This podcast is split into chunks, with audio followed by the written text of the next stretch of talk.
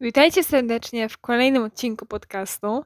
Wiem, że dosyć długi czas mnie tu nie było, bo chyba ostatnim odcinkiem, jaki publikowałam, był wywiad Leonardo Taccini. Było to pod koniec grudnia. No, muszę przyznać, że pewne rzeczy zajęły moją głowę w styczniu bardzo mocno i także na początku lutego, ale jako, że praktycznie sezon MotoGP ale jeszcze bardziej superbajków. Jest już za rogiem, to chyba czas powrócić do roboty.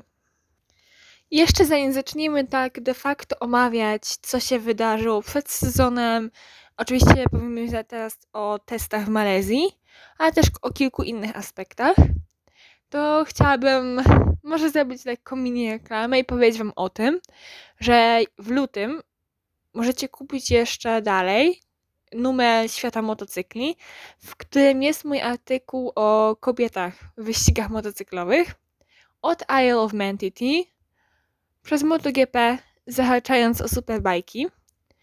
Myślę, że jest to naprawdę ciekawa propozycja, bo siedziałam nad tym i chciałam zebrać w jedno miejsce historię kobiet, które wpłynęły na to, że dzisiaj mamy różne programy, coraz więcej dziewczyn jeżdżących na motocyklach. Oczywiście napisałam też o Anie Karasko, e, ale napisałam głównie też o kobietach, które sprawiły, że ona miała swoją szansę, która doprowadziła ją w miejsce, w którym zdobyła Mistrzostwo Świata. Więc bardzo serdecznie zapraszam Was do kupienia lotowego numeru Świata Motocykli. Możecie to zrobić w Empikach, e, w InMedio, na stacjach benzynowych. Więc i myślę, że jest to dosyć ciekawa lektura, bo nie są to rzeczy, które są w wielu miejscach napisane w internecie wprost. Zebrałam różne informacje z archiwum Iron of Man, ze starych zdjęć i artykułów MotoGP, których ciężko się dokopać. Więc mam nadzieję, że to rzuci kolejne światło na historię tych kobiet i kto wie, może uda mi się zrobić też takie bardziej pojedyncze odcinki o nich, jeśli znajdę więcej informacji, bo oczywiście w magazynie w jednej artykule drukowanym nie mogę zmieścić tego zbyt wiele. Ale w przyszłości chciałabym zrobić taką dłuższą serię, dłuższe odcinki, gdzie opowiadamy całe historię, a które z tych kobiet, które jeszcze żyją, może mogłabym zaprosić do podcastu. Ale przechodząc już bardziej do MotoGP typowo, jeszcze zanim pomówimy o samym ściganiu, nadchodzącym sezonie i o tym, co widzieliśmy w Malezji, e, muszę wspomnieć o tym oczywiście, że za 4 dni, przynajmniej w tym momencie, bo nagrywam ten podcast 16 lutego, nie wiem kiedy on wyjdzie, kto wie, może w dzień premiery tego dokumentu, na Amazon Prime pojawi się dokument o Marku Marquezie, a dokładniej myślę, że to jest głównie o sezonach 2.20, 2.21 i 2.22, czyli tych trzech przełomowych w powrocie Marqueza do sportu po upadku na Jerez. E, I myślę, że większość z Was prawdopodobnie widziała zwiastun i ten krótszy, promocyjny, sprzed kilku tygodni dobrych, i ten trochę późniejszy, który pokazywał już więcej scen. Ale wiem, że na, nie tylko na mnie zrobił on naprawdę spore wrażenie. Szczególnie, że widzimy, że na temat Marka w tym dokumencie wypowiadać będzie się chociażby Dani Pedroza, czyli wieloletni partner zespołowy Marka. I myślę, że postać, którą wszyscy uwielbiają, no, personalnie ja także, uwielbiam Daniego Pedrozę i zawsze za nim tęsknię i bardzo cieszę się, kiedy powraca na to jako kierowca testowy i czasem ścigający się z dziką kartą, ale mamy też rodzinę Marka, nie tylko Alexa, co także jest dosyć ciekawe. Dodatkowo także widzimy więcej insightu, jeśli chodzi o życie Marka w domu, bo widzimy sceny ze znajomymi właśnie z domu, coś co myślę, że nie jest aż tak częste, jeśli chodzi o Marka. Bo już mam wrażenie personalnie, że więcej takich momentów widzieliśmy, jeśli chodzi o chociażby Fabio Quartararo, który naprawdę szeroko chwali się tym, co robi ze znajomymi, i tak dalej. A jeśli chodzi o Marka, szczególnie o ten okres najcięższy, jeśli chodzi o kontuzję, to oczywiście nie widzieliśmy nic. Więc jest to taki pierwszy insight, e, w którym Mark na przykład siedzi i przyznaje, że myślał o skończeniu kariery. E, on chociażby przyznaje też, że za przeproszeniem, ale cytując, na to, że jest po prostu dupkiem. Więc naprawdę personalnie bardzo nie mogę doczekać się tego, co zobaczymy w tym dokumencie. I to też mnie skłoniło do myślenia o tym, jak to wypadnie w porównaniu do MotoGP Unlimited, które swoją premierę miało rok temu właściwie. A dodatkowo też w tym samym okresie, co teraz wychodzi dokument o Marku, wychodzi też kolejny sezon Drive to Survive z F1 na Netflixie. I skłoniło mnie do takiego zastanowienia, czy ten dokument o Marku może wypaść lepiej na przykład niż MotoGP Unlimited, biorąc pod uwagę to, że tamten serial był jednak moim zdaniem za słabo wypromowany, źle potraktowany, to, że nie było na przykład napisów, to, że w części krajów wyszedł później, w ogóle w, po kilku miesiącach nawet, e, co jest moim zdaniem nie do pomyślenia, jeśli komuś naprawdę zależy na sukcesie tego serialu. Ale biorąc też pod uwagę fakt, że oczywiście myślę, że tak jak w Polsce mamy bohat swoich bohaterów, e, był Niemiałet Kubica i dalej jest Bartosz Zmazlik, czy chociażby inni polscy zawodnicy jak jako Przygoński. Myślę, że nawet osoby, które nie zawsze śledzą ich losy, nie oglądają um, przykład jakichś skrótów ze wszystkiego, gdzie jeżdżą i tak dalej, nie oglądają wszystkich meczów żużlowych, E, nie oglądali wszystkich wyścigów Formuły 1 Roberta, to myślę, że on był taką znaną postacią reprezentującą Polskę na arenie międzynarodowej. I tak samo jest, myślę, dla fanów e, MotoGP w Hiszpanii. Oczywiście ciężko porównać to z tym, kiedy my w Polsce mało zawodników na szczycie, jeśli chodzi o sport motorowy, a Hiszpanii mają ich wielu, w samym MotoGP także. Ale Mark jest jednak w Hiszpanii też gwiazdą nie tylko jeśli chodzi o sam sport, ale jest w reklamach, w wielu różnych akcjach i tak dalej. Jest on postacią bardzo znaną i jest on postacią, która się wyróżnia. I też jest znana, jeśli chodzi zahaczając o Formułę 1. Więc czasami jest tak, że dokumenty o jednym zawodniku przyciągają o wiele więcej e, odbiorców niż na przykład o całej serii to ja myślę, że jednak film o Ayrtonie Sennie przyciągnął więcej widzów niż dokument o jakiś dokument lecący gdzieś o Le Mans czy o samym Ferrari, bo zawsze jest zawodnik, który był charakterystyczny, zapada w pamięć bardziej niż historia całej marki, która jednak trzeba przyznać, chyba interesuje większości osoby, które już naprawdę siedzą w tym sporcie. Bo na przykład moi znajomi, którzy też lubią motoryzację, chociaż nie aż tak bardzo jak ja, myślę, że nie usiedliby ze mną i nie obejrzeli dokumentu o powstaniu e, Ferrari tak dokładniej, albo nie usiedliby ze mną, nie oglądali dokumentu o jakimś najsłynniejszym wyścigu Le Mans, tylko pamiętam, że usiedliby ze mną raczej do dokumentu o kierowcy, albo właśnie do Drive to Survive, które trzeba przyznać do Formuły 1 było genialnym pomysłem. To, że robi to Netflix, to, że to się okazało takim hitem, choć oczywiście mamy prawo też na to narzekać, biorąc pod uwagę, że jednak jest tam, kolokwialnie mówiąc, skręcona lekka drama. E, tak najsłynniejszym przykładem jest to, że pod to zderzenie, nie pamiętam, który to był sezon, e, lekkie styknięcie Fetela i Leclerca w Austrii podstawiono e, audio z Brazylii z poprzedniego roku, z tego dużego zderzenia. Albo to było odwrotnie. Nie, nie, nie potrafię powiedzieć dokładnie, nie pamiętam, że było coś takiego. I wiem, że nie była to jednorazowa sytuacja. I jest to też coś, o czym mówił Max Verstappen, że mu się to nie podoba ale trzeba przyznać, że był to marketingowy geniusz. Bo jeśli chodzi o MotoGP Unlimited, to nie było tam aż takich akcji. no już pominijmy fakt złego rozplanowania, ale też tego, jak Dorna zarządza MotoGP i że jest on jednak mniej popularny niż Formuła 1, to muszę niestety przyznać, że to MotoGP Unlimited było lekką kraksą. I nie wypałem, jeśli chodzi o promocję sportu. Chociaż na przykład, wiem, że niektórzy zawodnicy, tak jak rozmawiałam z Leonardo Taciniem, ci, którzy słuchali tego wywiadu, może pamiętają, że on tego serialu na przykład nie widział. I powiedział, że właśnie motocykle potrzebowałby czegoś takiego jak Drive to Survive. A MotoGP Unlimited nie zrobiło szumu nawet wśród zawodników innych scen, którzy też kochają sport. I no, oglądali Drive to Survive, ale nie oglądali MotoGP Unlimited. Dobra, myślę, że już wystarczy mojego gadania o serialach i promocji MotoGP, choć jest to oczywiście temat rzeka. I myślę, że naprawdę dałoby się spokojnie grać tym godzinami, jakie błędy są popełniane w sumie nie tylko przez Dornę, ale nawet przez Liberty Media, jeśli chodzi o Formułę 1, ale to jest totalnie inna rzecz.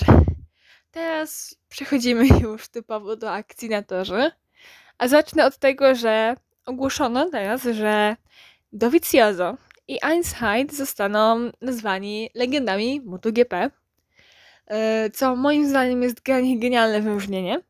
Szczególnie jeśli chodzi o Dowiego, który powiedział, że się tego nie spodziewał.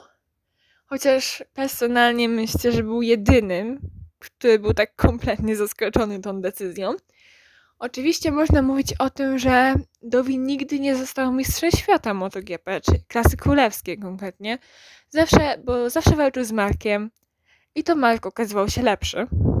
I coraz bardziej budował swoją legendę.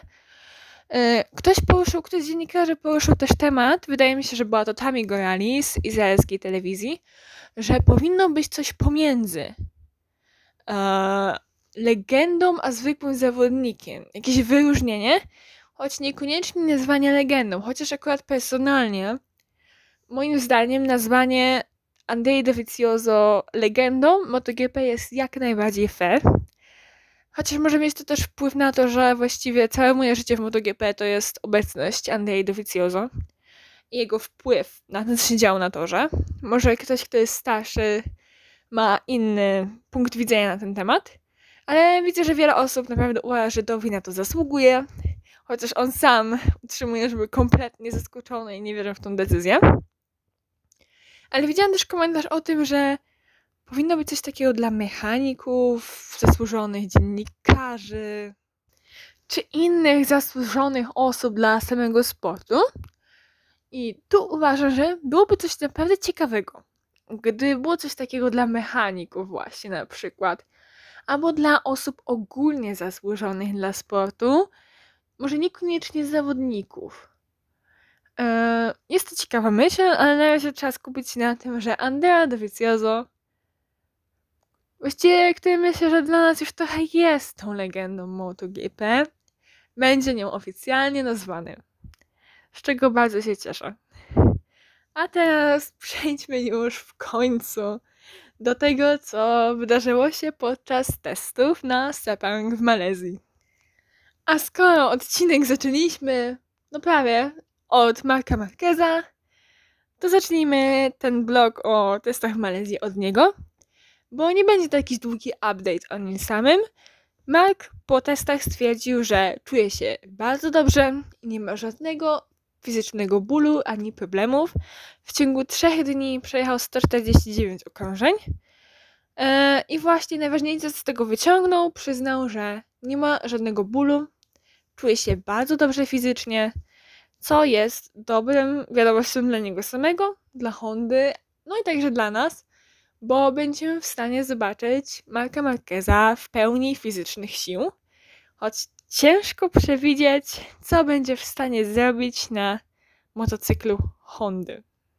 Bo sam Alberto Pucz przyznał, że Honda potrzebuje jeszcze trochę czasu na to, żeby dostosować się do przyszłego sezonu, żeby przedstawić ostatnie rzeczy i dopiąć ten motocykl, bo to, co widzieliśmy w Malezji, nie było do końca zadowalające i było też widać, nie było to zadowalające dla samego Marka Marqueza, bo najśmieszniejsza rzecz wydarzyła się w ostatni dzień, gdy Alex Marquez, kompletnie nowy na maszynie Ducati w zespole Gelsini, uplasował się tuż przed swoim bratem i zaczął się śmiać, czy gdy wróci do domu, jego klucze będą pasowały do zamka.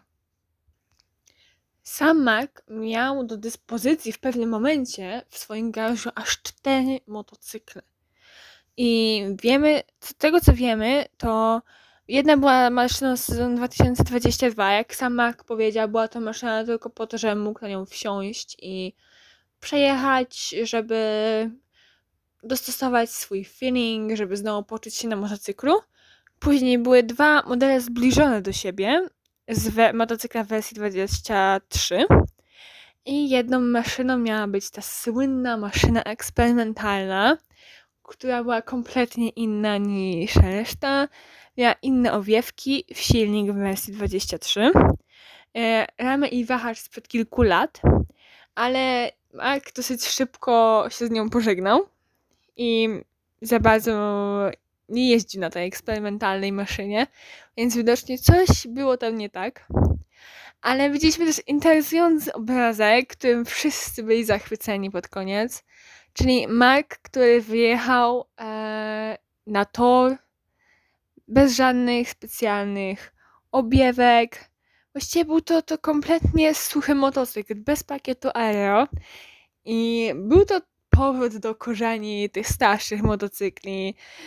I myślę, że była to kompletna gadka dla fanów, którzy mieli już trochę chyba dość tych wszystkich aero, tych wszystkich owiewek, udziwnień na motocyklu, e, albo na przykład tego, co Ducati wymyśliło w tamtym roku, czyli tych ogonków na tyle motocyklach, z których wszyscy śmiali się, że to jest nowy Pokémon. Ale wracając do tego, wyniki Hondy nie były złe. Nie można powiedzieć, że były naprawdę złe, ale nie były też jakieś niesamowite. Nie był to chyba poziom tej górnej e, części stawki, czyli głównie Ducati, ale też w pewnym momencie Aprili. A sam Mark powiedział, że to jest właściwie ten sam koncept z tymi samymi problemami co w Walencji, czyli w testach po sezonie. Więc nie za dużo się zmieniło i tak jak mówił Alberto Pucz też później, dla nich kluczowe mają być testy w Portimao.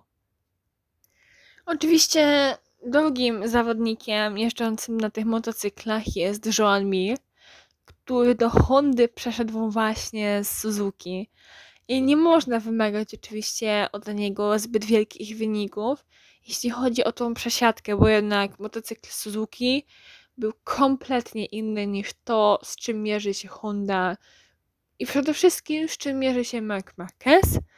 E, jednak naprawdę trzeba przyznać to Mirowi, że nie odstaje on kompletnie za bardzo od Marka Marqueza i także naprawdę daje sobie radę na motocyklu. Martwiące są bardziej wyniki zespołu LCE.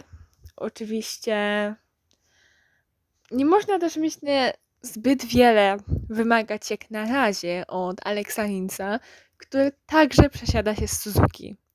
A były to kompletnie inne motocykle.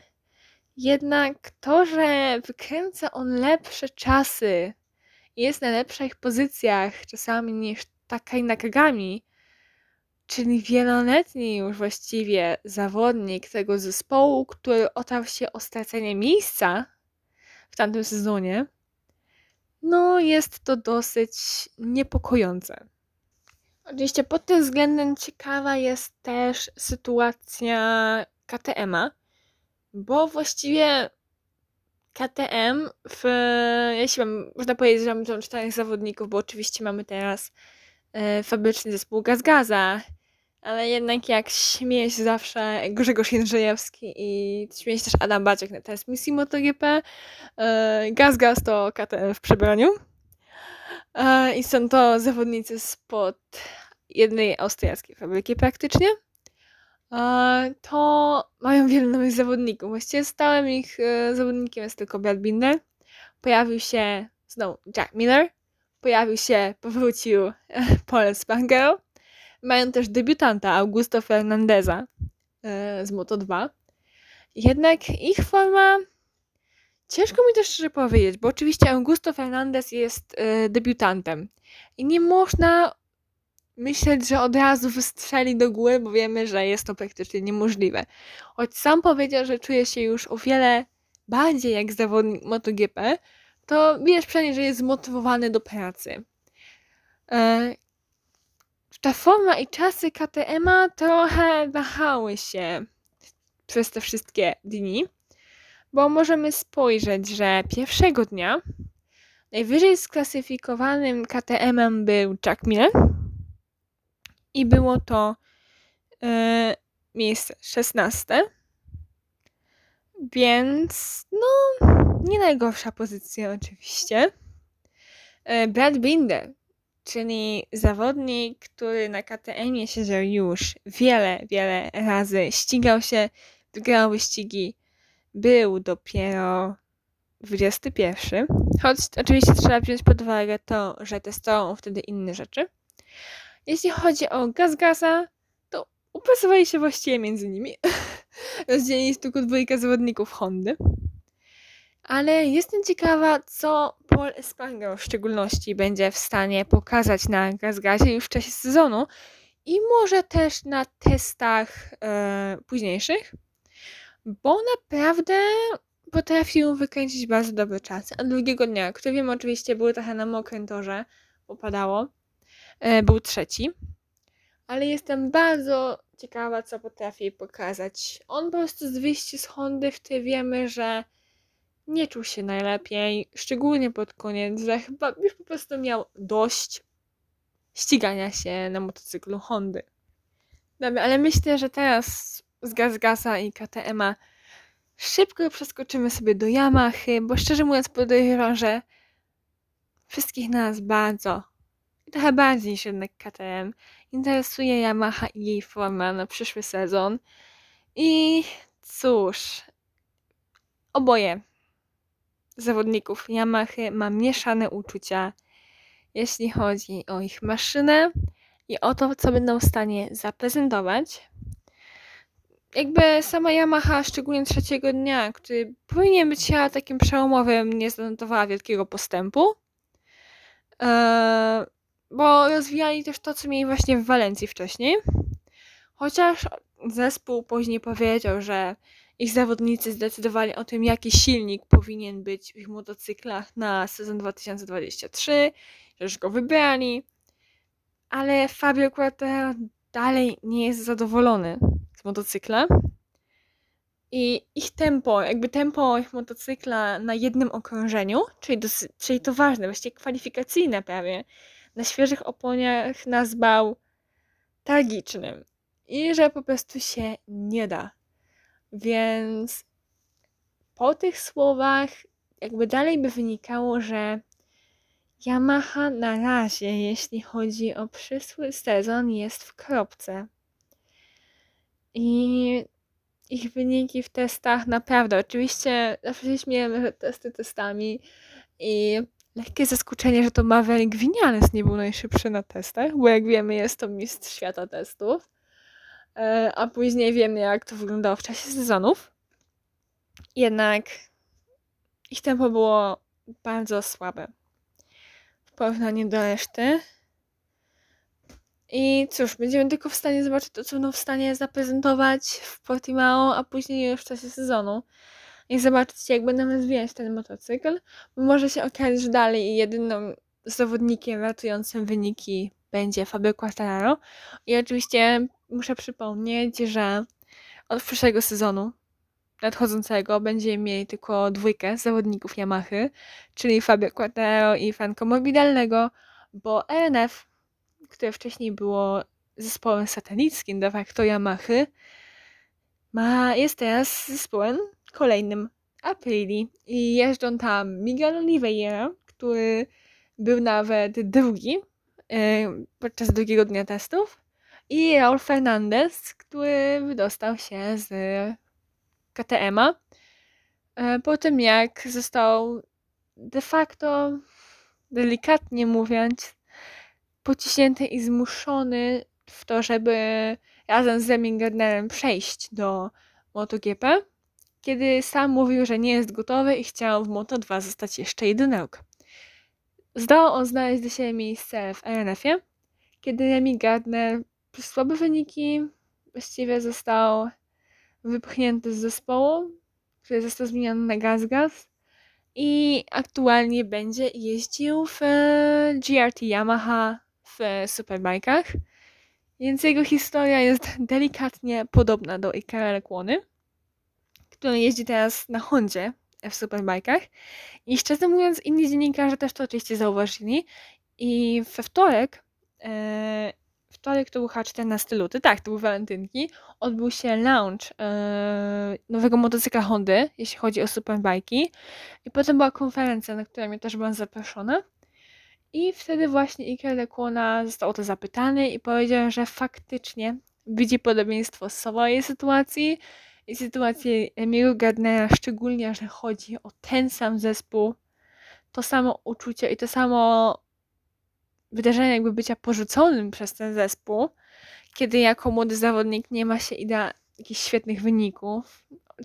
Oczywiście umówmy się, szczerze mówiąc to wątpiłam, że na motocyklu KTM w Tech 3 dało się zrobić wiele.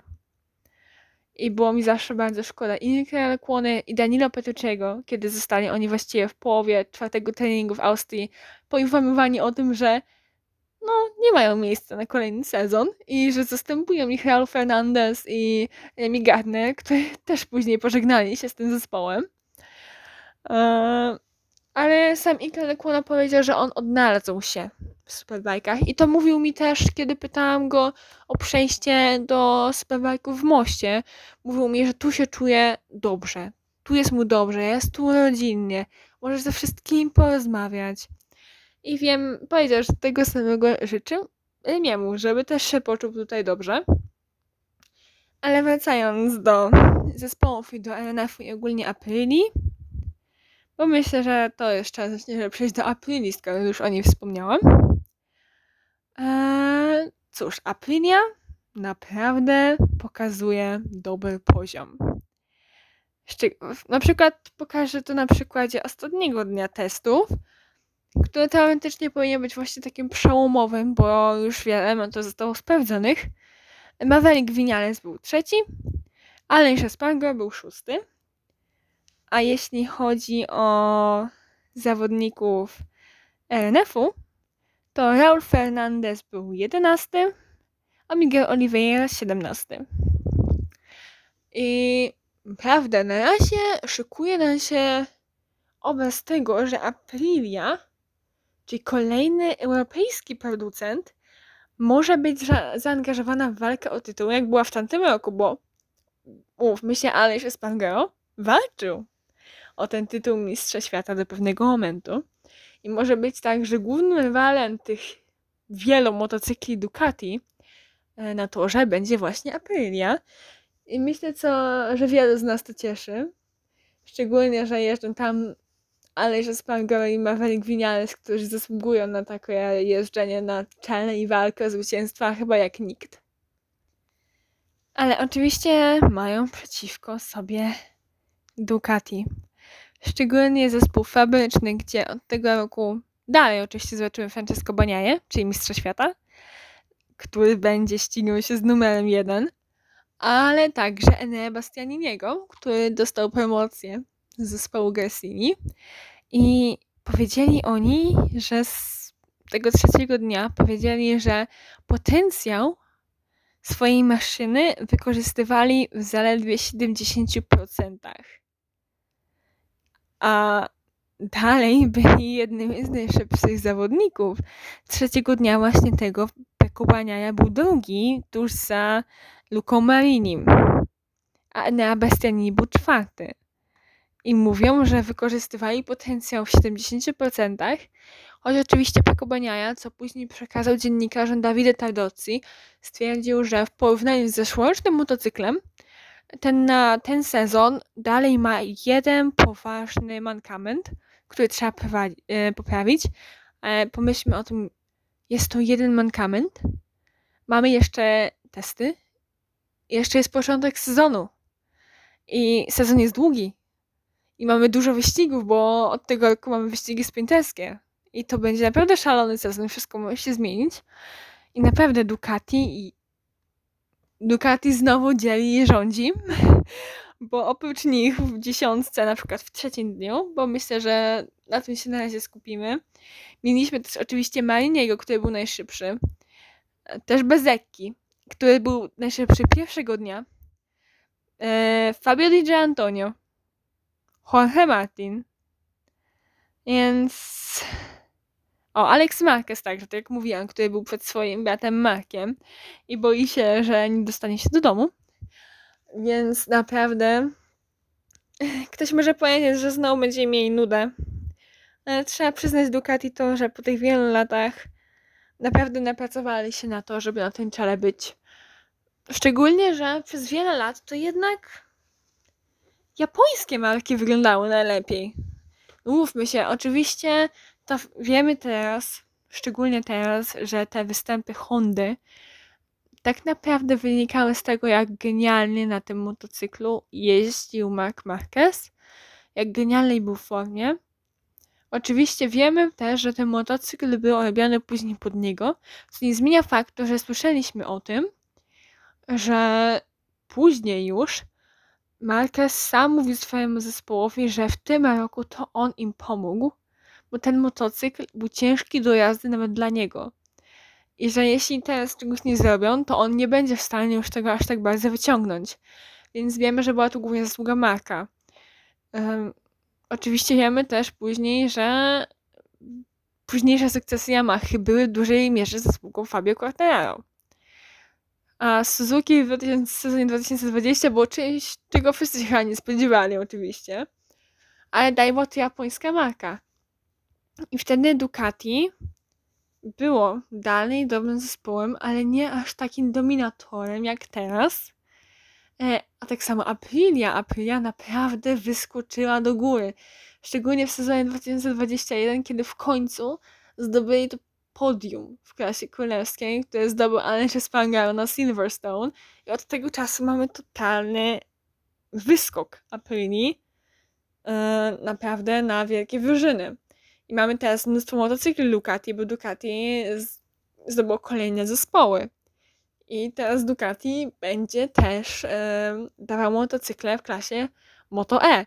Więc nie dość, że jest to rozrost Ducati, jeśli chodzi o samą klasę królewską i o sukcesy, to jest to też rozwój Ducati jako ogólnej marki e, we wszystkich seriach, bo w Superbike'ach też wygrali tytuł Mistrza Świata.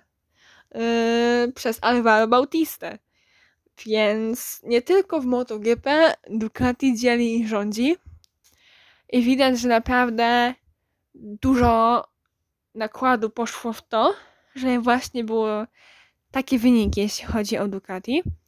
Ale no, możemy liczyć tylko na to, że Aprilia i też inne zespoły oczywiście rzucą im duże wyzwanie. I szczególnie też, że także przypomniało mi się teraz, że e, Paolo Bonora powiedział, że Aprilia do Portimao przyjedzie z nową specyfikacją silnika. Te ostatnie dwa dni testów, żeby jeszcze to sprawdzić. Więc widać też, że Aprilia ma sporo w zanadrzu, ale ma też sporo w zanadrzu dla tego swojego nowego zespołu, czyli dla RNF-u bo Miguel Oliveira powiedział, że nie wykorzystali swojego pełnego potencjału że jeszcze więcej ma do nich przyjść, ale oczywiście on sam przyzwyczaja się do maszyny, podobnie jak Raul Fernandez, bo oboje przeszli z KTM-a, ale widać, że Aprilia naprawdę jest gotowa, żeby rywalizować prawdopodobnie właśnie o to mistrzostwo, szczególnie z pomocą tego drugiego zespołu. Jeśli chodzi też o same testy w Malezji, e, to ogólnie wychodzi na to, że MotoGP w całości jest szybsze niż w zeszłym sezonie, bo w tamtym roku najszybszy w testach e, w Malezji był Enea Bastianini z czasem minuta 58 131 tysięcznych, a w tym roku najszybsi byli Marini i Baniaja, którzy weszli na minutę 57 sekund. Czyli oczywiście tym bardziej najbardziej chwali się Dorna, ale widać, że na razie wygląda na to, że motocykle są szybsze niż w tamtym roku. Oczywiście zależy to od wielu czynników i tak naprawdę wszystko zobaczymy w ciągu sezonu. Bo cóż, testy to testy. I w sezonie wiele może się zmienić. Ale chcę też wrócić do coś właśnie ciekawego, co powiedział Marini. Ale już nie tyle o samej maszynie i tak dalej, tylko o sprintach. Bo stwierdził on, że jest podekscytowany, bo jego symulacja, której spróbował, poszła dosyć dobrze, więc nie może się doczekać tych sprintów. I oczywiście jest to jeden z największych znaków zapytania, jeśli chodzi o MotoGP. To właśnie te sprinty. Czyli coś, co, z czego część fanów jest niezadowolona. Dziennikarze są niepewni. Ja szczerze mówiąc, na razie nie wypowiadam się na temat tego, co o tym sądzę. Też mój kolega, który też jest dziennikarzem, ale on jest też bardziej zainteresowany Formułą 1 i tak dalej, spytał mnie o tym, co sądzę. Powiedziałam mu szczerze, że powiem mu po pierwszej rundzie, bo tak naprawdę nie mam pojęcia. Chcę zobaczyć i czekam z dużą ciekawością na to, jak będzie to wyglądało, bo bardzo lubię wyścigi, te sprinty e, w superbajkach. Uwielbiam to, że jest sprint w niedzielę rano i jest to jeden z moich ulubionych wyścigów zawsze w ciągu weekendu. Jak nie właśnie ulubiony chyba jednak, oprócz tego drugiego finałowego. E, bo jest takie tylko 10 okrążeń i dużo się dzieje.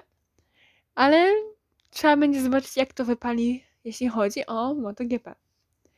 I oczywiście, jak przystosują się do tego zawodnicy, bo jednak jest to trochę więcej sesji niż kiedykolwiek mieli. I będzie to dla nich większe obciążenie fizyczne. Cóż, ten odcinek trwa już prawie 40 minut, więc myślę, że czas go zakończyć.